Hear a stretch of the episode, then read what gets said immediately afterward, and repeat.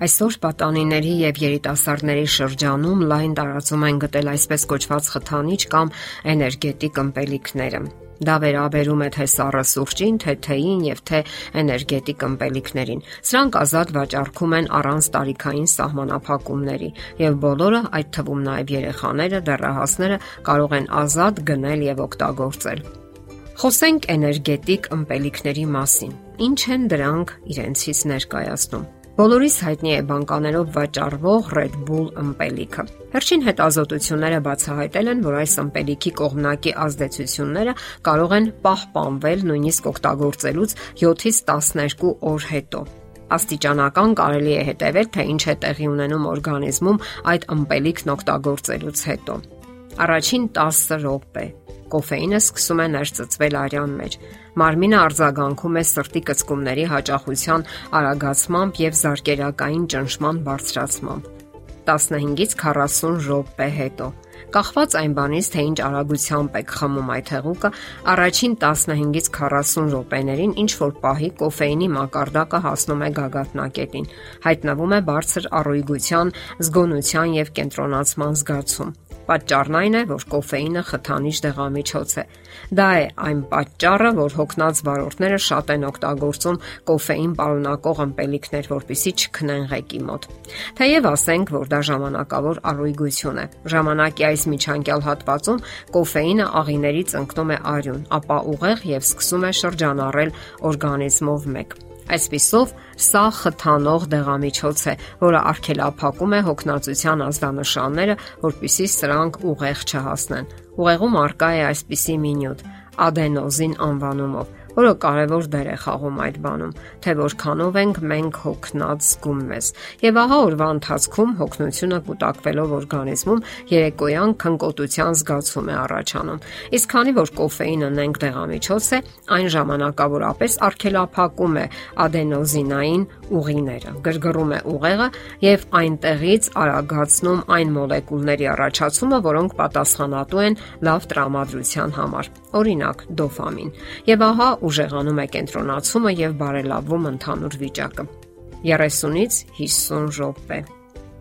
Երբ դուք ամբողջովին խմել եք ըմպելիքը եւ օրգանիզմը լիովին ներծծել է կոֆեինը, լյարդը արձագանքում է դրան, մեծացնելով շաքարի ներծծումը։ Հենց այս ժամանակ էլ տեղի է ունենում ըմպելիքի մեջ պարունակվող շաքարի ներծծումը։ Շատերն այն կարծիքին են, որ կոֆեինը կլանվում է օգտագործելուց հետո 45 րոպեի ընթացքում, սակայն այդ գործընթացը կարող է ձգձգվել, եթե ըմպելիքը օգտագործվում է սննդի հետ միասին։ Լյարդը ճեղքում է կոֆեինը եւ կոֆեինն ինքնին իսկապես մեզ բարձրացնում է շաքարի մակարդակը արյան մեջ։ Ասենք որ կոֆեինը կարող է խիստ նվազեցնել արյան շաքարի մակարդակը, ովքեր ունեն շաքարային դիաբետ, սակայն ոչ միախառնված քաղցրացված նյութերի հետ, եւ սա էներգետիկ ըմպելիքներին բոլորովին չի վերաբերում։ Ինչ է կատարվում էներգետիկ ըմպելիք օգտագործելուց 60 րոպե հետո։ Այս ժամանակ արդեն սկսում է նվազել շաքարի մակարդակը արյան մեջ, իսկ կոֆեինի ազդեցությունը աստիճանաբար նվազում է եւ մարում։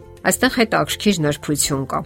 Շատ մարդիկ ասում են, որ իրենք զգում են, թե երբ է իրենց արյան մեջ բարձրանում կամ նվազում շաքարի մակարդակը, սակայն իրականում այդ զգացողությունները խափուսիկ են եւ չափումները ավելի ճշգրիտ են ցույց տալիս, թե ինչ է կատարվում օրգանիզմում։ Որոշ ժամանակ հետո սկսում է անցնել առողջության կայտարության կեղծ զգացումը, որը առաջացել էր ուղեղում շրջանառող երջանկության հորմոնի ազդեցությամբ։ Իսկ երբ անցնում է այդ հորմոնների ազդեցությունը, մարդն արդեն հայտնվում է իր նախկին վիճակ։ Ինչ է կատարվում 5-ից 6 ժամ հետո։ Սա կոֆեինի կիսաճեղքման ժամանակաշրջանն է։ Այսքան ժամանակ է հարկավոր օրգանիզմին, որպեսզի նվազեցնի կոֆեինի խտությունը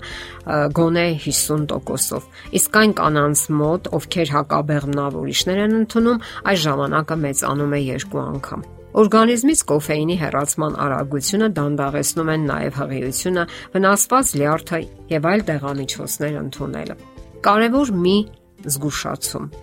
Երեխաների եւ դեռահասների մոտ կիսաճեղքման ընթացքը ավելի դանդաղ է տեղի ունենում։ Ահա թե ինչու մեծահասակների համեմատ կոֆեինը նրանց օրգանիզմում ավելի երկար է մնում եւ իմիջայլոց ավելի մեծ խտությամբ եւ այդ պատճառով էլ Կոֆեինի օգտագործումը երեխաների մոտ առաջացնում է վարքագծային հիմնախնդիրներ եւ տագնապի զգացում։ Ինչ է կատարվում 12 ժամ հետո։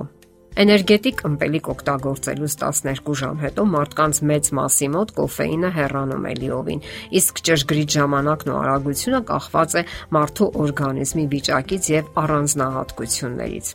12-ից 24 ժամ հետո սկսում է ուժերի անկումը եւ կոֆեինի հերթական չափաբաժնի պահանջը։ Առաջանում են նաև այլ ախտանշաններ՝ գլխացավ, գրգռվածություն, փոշկապություն։ Սա նշանակում է, որ կոֆեինն արդեն իր պահանջներն է ներկայացնում օրգանիզմին։ Ինչ մնում է կոֆեինից հրաժարվելուն, այն իհարկե դժվար է, սակայն ոչ անհնար։ Պարզապես պետք է գիտակցել, որ դա լուրջ կախվածություն է եւ որքան երկար եք մնացել կոֆեինի գերության մեջ, այնքան դժվար է դրանից հրաժարվելը։ Հրաժարվելու դեպքում բարդ ախտանշաններ կլինեն իհարկե, սակայն դա այնքան էլ սարսափելի չէ, ինչպես շատերն են մտածում։ Ախտանշանները կարող են տևել մինչև 9 օր, կախված ձեր օգտագործած կոֆեինի քանակից։ Քանի որ բոլոր մարդիկ տարբեր են, դա բավականին անհատական է։ Ոմանք կարող են ծանր տանել, ոմանք համեմատաբար թեթև։ Հետազոտությունները ցույց են տվել, որ 7-ից 12 օրվա ընթացքում օրգանիզմը